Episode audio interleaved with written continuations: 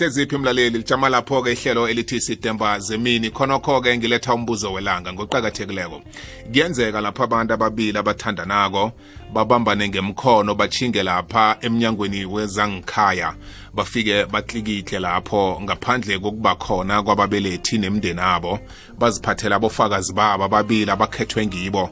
Bafike batlikihle isivumelwano sokuthi bona bayachata. Ingakhani into enjalo isemthethweni na? Ingakhani umtshato onjalo eh uvumelekile na?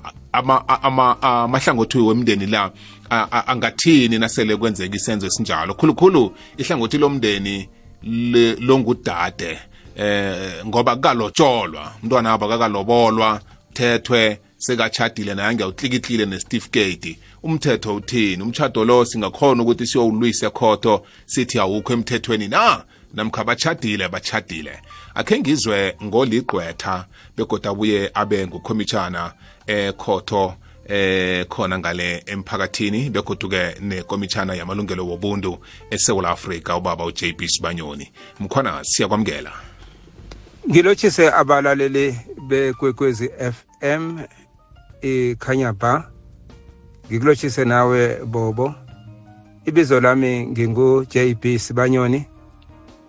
Oligcwetha begodu ongukomshinara kabili ukomshinara we-small claims court begodu ngukomshinara wekomishana yamalungelo wobuntu enarheni yesewula afrika. Indaba engizokhuluma ngayo elangene namhlanje si indaba yokuthi nakungenzeka abantu ababili ngizathi umkhwenyane begodu nomakoti nabangakhamba bayokutlolisa umtchado ngaphandle kokuthi kube khona abofakazi bomndeni bathathe abanye abofakazi okungasi malunga womndeni bafike bathi ngabomndeni khani umthetho uthini nakunjalo?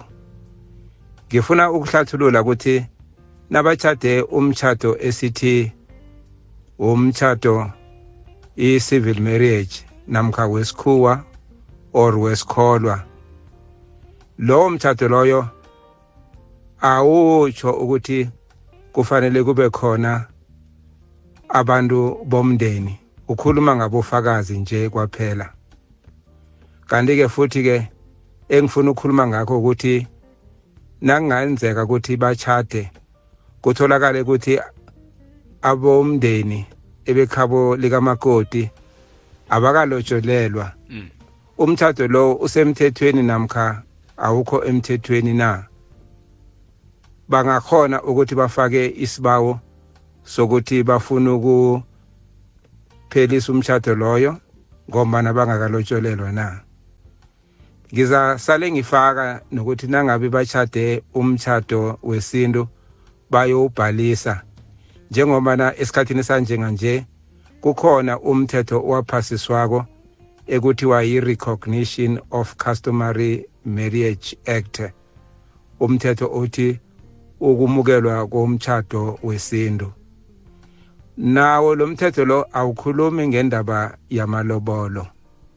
Ngakho-ke ngifuna ukusho ukuthi lowa wokuthoma vele angekhe bakabomakoti bathi bafuna ukuphelisa umtchado ngombana bangakalotsholelwa nalo umtchado wesintu otlolisiweko kuzaba yinkinga ngoba lo mthetho engikhuluma ngawo i-recognition of uh, customary marriage act awukhulumi ngelobolo.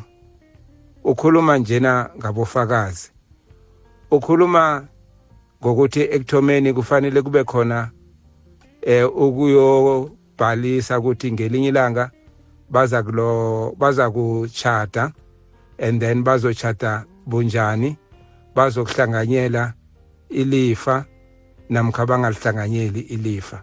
Kodwa ngasehlangothini lelobolo akukho la kukhulunywa khona ukuthi kufanele kube khona ilobolo mandanzi ngalokho-ke ngifuna ukutsho-ke ukuthi kungaba inkinga ekulu abomndeni wekhabo likamakoti nabangathi bafuna ukusilisa namkha ukuphelisa umtjhado ngoba bangakalotsholelwa begodu nabangathi basafuna ukuthi bafake isibawo sokuthola amalobolo njengobana bangakalotsholelwa umbono wami lowo engiwuvezako njengegcwetha i-legal opinion leyo engiyikhulumayo. Ibizo lami-ke njengoba ngikhulumile uJB Sibanyoni ngithokoza indlebe kuwe bobo umshayeli wehlelo begodu nabadidiyeli behlelo nabelaleli bekwekwezi FM ikhanya ba kwamambala kukhanya ba kuzafuna uma yenziwe ngimiyale ngimiyale ngimtshele indlebe ukuzwa kuzwa eh ya zafuna ngimtshele. Nangasipendulo mlaleli.